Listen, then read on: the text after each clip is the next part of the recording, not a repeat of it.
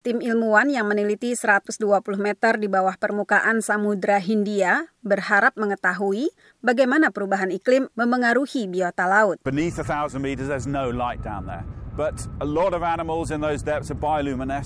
Di bawah seribu meter tidak ada cahaya di sana, tetapi banyak hewan pada kedalaman itu bercahaya, bioluminescent. Di sana tempatnya makhluk hidup yang bersinar. Di sanalah rumah bagi puncak keanekaragaman hayati dalam samudra. Oliver Stitz mengepalai misi Nekton yang dipimpin Inggris. Misi itu mengumpulkan data untuk mengelola dan melindungi samudra secara lebih baik.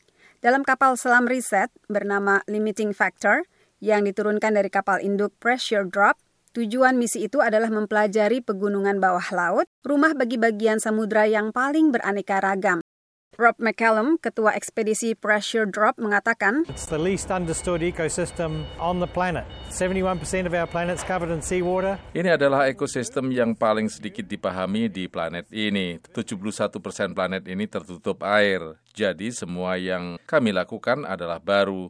Semua yang kami lihat sebenarnya adalah penemuan baru. Tim peneliti akan menyelam sedalam 4.000 meter ke zona yang mendekati kegelapan total disebut midnight zone atau zona tengah malam. Di sana mereka akan mempelajari kerusakan planet yang memanas terhadap ekosistem bawah laut.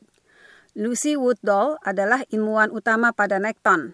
Ia mengatakan, These impacts and consequences of climate change aren't stopping. They're not going to stop even if we stopped the production of Dampak dan konsekuensi perubahan iklim tidak berhenti. Mereka tidak akan berhenti meskipun kita berhenti memproduksi karbon ke lingkungan besok. Jadi mengetahui komunitas itu sekarang dan mengukur perubahannya akan sangat membantu kita memahami dan memprediksi seperti apa perubahan itu pada masa depan. Peneliti mendapati sebagian besar ancaman terhadap biota laut berasal dari manusia. Patrick Haley dari kapal selam Triton mengatakan, We definitely see examples of, you know, human beings. We see plastics, we see debris. Kami pasti melihat contoh ulah manusia. Kami menemukan plastik, kami melihat puing-puing.